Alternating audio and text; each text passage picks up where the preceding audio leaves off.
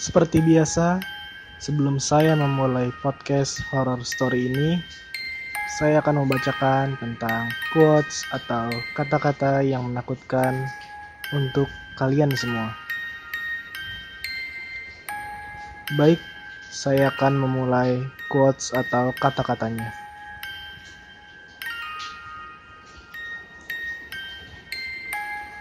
Kalau kamu perhatikan pojok atas ruangan kamar, biasanya terlihat sarang laba-laba. Kuntilanak ternyata menikmati pojok atas tersebut. Aku terbangun dari tidurku karena mendengar ibu memanggilku dari dapur.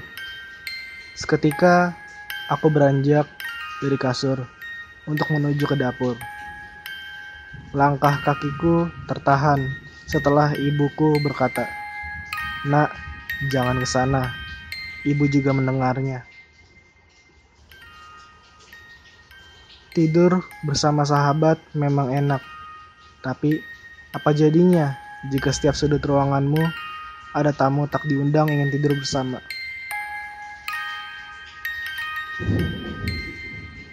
Baik, itu saja quotes atau kata-katanya.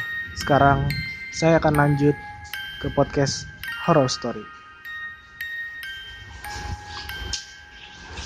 Assalamualaikum warahmatullahi wabarakatuh. Halo semuanya, selamat malam. Kembali lagi dengan saya Sunsats dari podcast Horror Story. Kali ini saya akan menceritakan tentang pengalaman mistis untuk Anda semua. Saya akan menceritakan tentang kisah boneka Annabelle. Seperti apakah kisahnya? Mari kita simak baik-baik.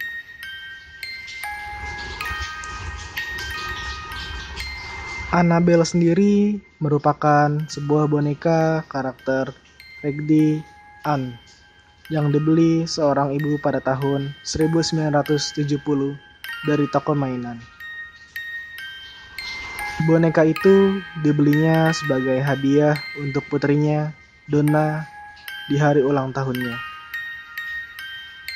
Donna pada saat itu adalah seorang mahasiswi yang sedang berusaha menyelesaikan studi perkuliahannya di bidang keperawatan.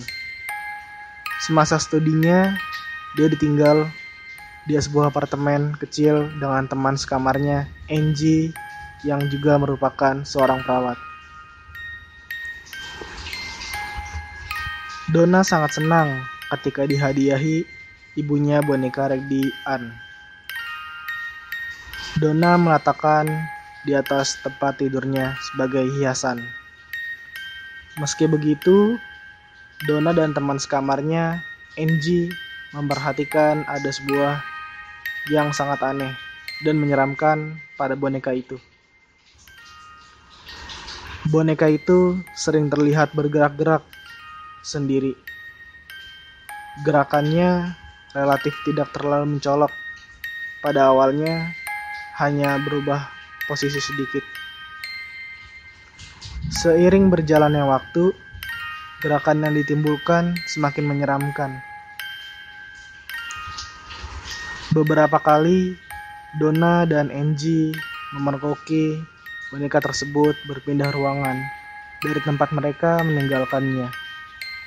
Kadang-kadang, boneka itu ditemukan bersila di sofa dengan tangan terlipat. Di lain waktu, boneka itu ditemukan berdiri tegak di atas kedua kakinya. Kemudian bersandar di kursi ruang makan. Sekitar sebulan setelah memergoki kejadian aneh, Donna dan Angie menemukan sebuah pesan dari secarik kertas perkamen. Tulisan itu ditulis menggunakan pensil dengan kalimat "Tolong kami" dan bantu low. Tulisan tangan itu sepertinya milik seseorang anak kecil. Bagian yang menyeramkan tentang pesan itu bukanlah kata-katanya, tetapi cara penulisannya. Pada saat itu, Dona tidak pernah menyimpan kertas perkamen yang digunakan untuk menulis catatan, baik di rumah maupun di, di apartemennya. Lantas, Dona bertanya-tanya, dari mana asal kertas beserta tulisan itu? Suatu malam, Dona pulang dan menemukan boneka itu telah berpindah lagi. Kali ini, boneka itu pindah dari suatu tempat ke tempat tidur Dona. Dona yang sedang berada di atas tempat tidurnya menyadari boneka itu bergerak perlahan-lahan naik ke atas tempat tidurnya dan menyenggol bagian punggungnya. Dengan sedikit keberanian, Dona kemudian melihat ke arah boneka itu dan menemukan tetesan warna merah seperti darah di punggung tangan dan dadanya. Kejadian ini membuat Donna dan Angie tak tahan lagi. Mereka tak tinggal diam dan segera memanggil ahli demonologi untuk membantu mereka mengatasi boneka tersebut. Donna dan Angie kemudian menghubungi ahli demologi yang mampu berbicara dan memanggil arwah untuk mengatasi ketakutan mereka. Ahli tersebut kemudian berbicara dengan boneka tersebut yang, di, yang ternyata dirasuki oleh arwah bernama Annabel Higgins. Kepada Donna dan Angie, ahli demonologi itu menceritakan jika Annabel merupakan seorang gadis berusia tujuh tahun yang tinggal di sekitar apartemen itu sejak lama. Dia meninggal di lapangan tempat kompleks apartemen sekarang berdiri. Arwah Annabel mengaku senang tinggal bersama Donna dan Angie di dalam tubuh boneka Raggedy Ann.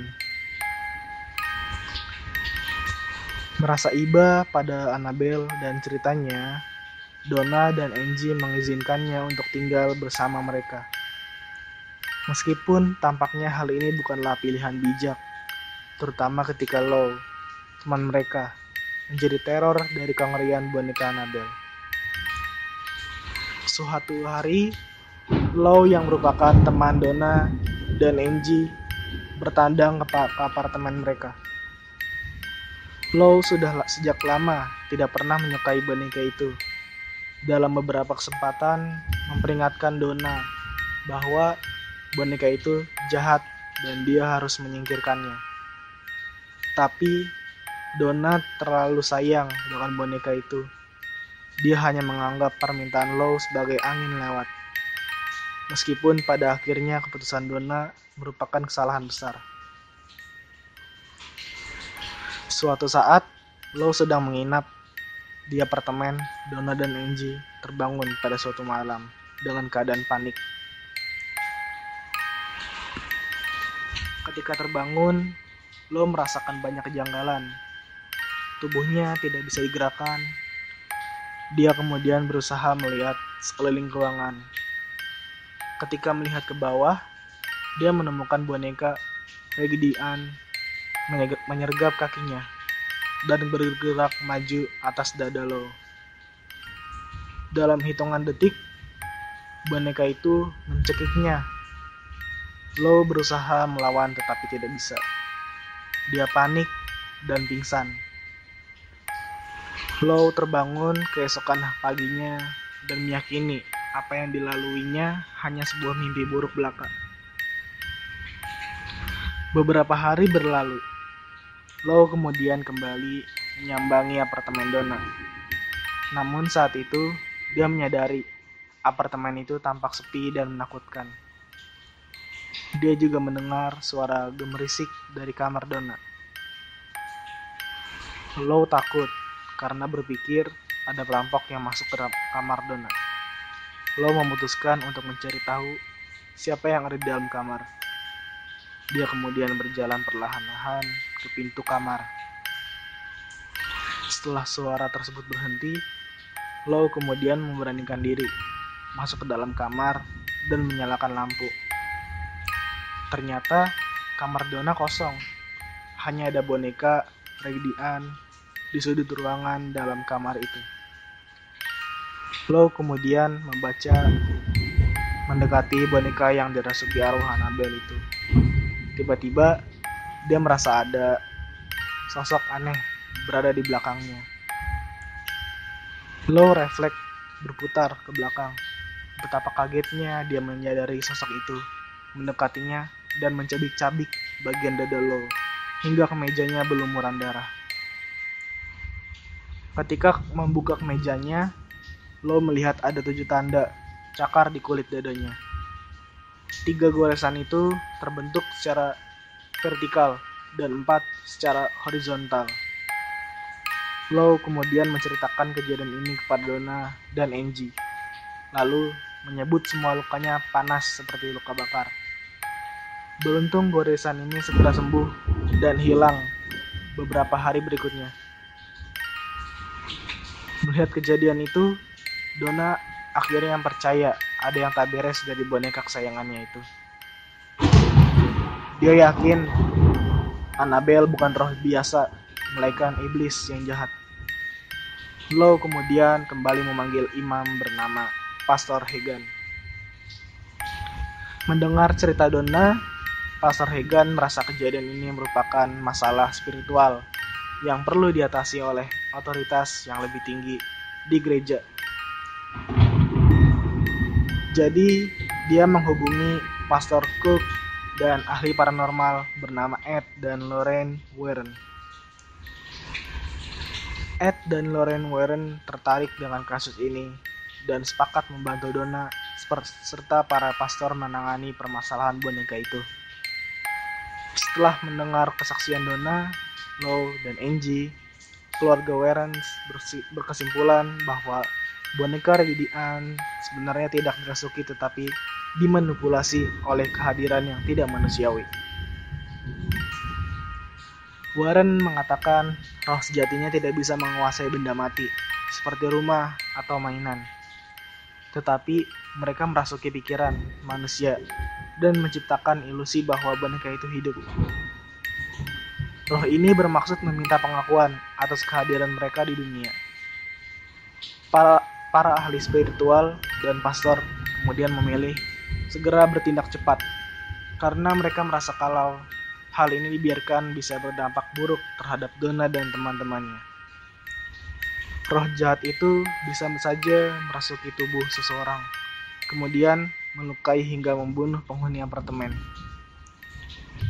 Ed Warren dan para pastor kemudian melakukan pembacaan berkat eksorsisme untuk membersihkan apartemen dari roh jahat.